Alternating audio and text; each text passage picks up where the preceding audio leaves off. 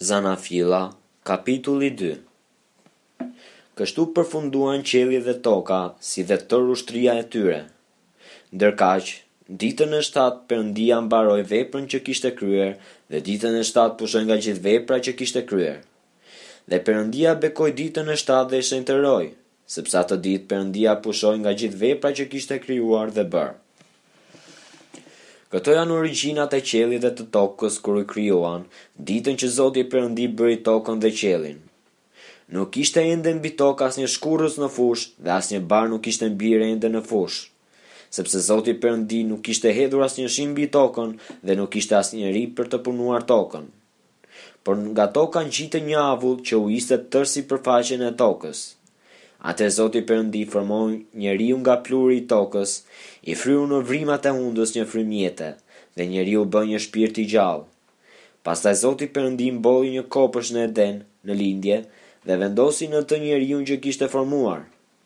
Pastaj Zoti Perëndi bëri që të mbijnë nga toka lloj-lloj pemësh të këndshme nga pamja dhe që jepnin fruta të mira për t'u ngrënë. Në mes të kopshtit gjendeshin edhe pema e jetës dhe pema e njohjes të së mirës dhe të së keqes. Një lum dilte nga Edeni për të ujitur kopshtin dhe ndahej në katër rrjedha ujë. Emri i lumit të parë është Pishon. Është ai që rrethon tërë vendin e Havilahut, ku ka flori.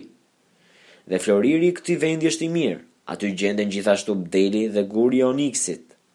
Emri i lumit të dytë është Gihon, dhe ai rrethon tërë vendin e Kushit. Emri i lumit të tretë është Tigri, dhe është ai që rrjedh në lindje të Asirisë. Lumi i katërt është Eufrati. Zoti Perëndi e mori pra njeriun dhe e futi në kopshtin e Edenit, me qëllim që ta punonte dhe ta ruante.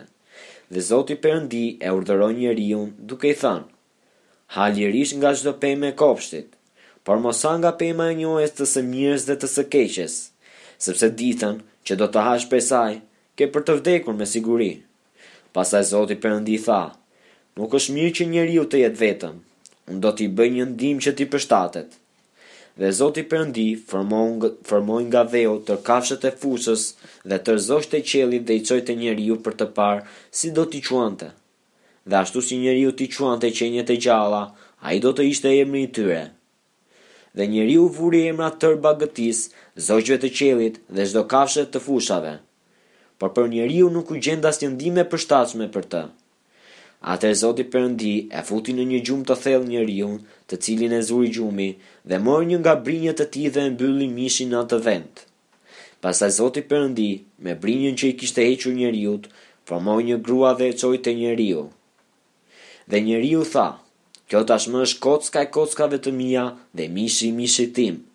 Ajo do të quhet grua, sepse është nxjerrë nga burri.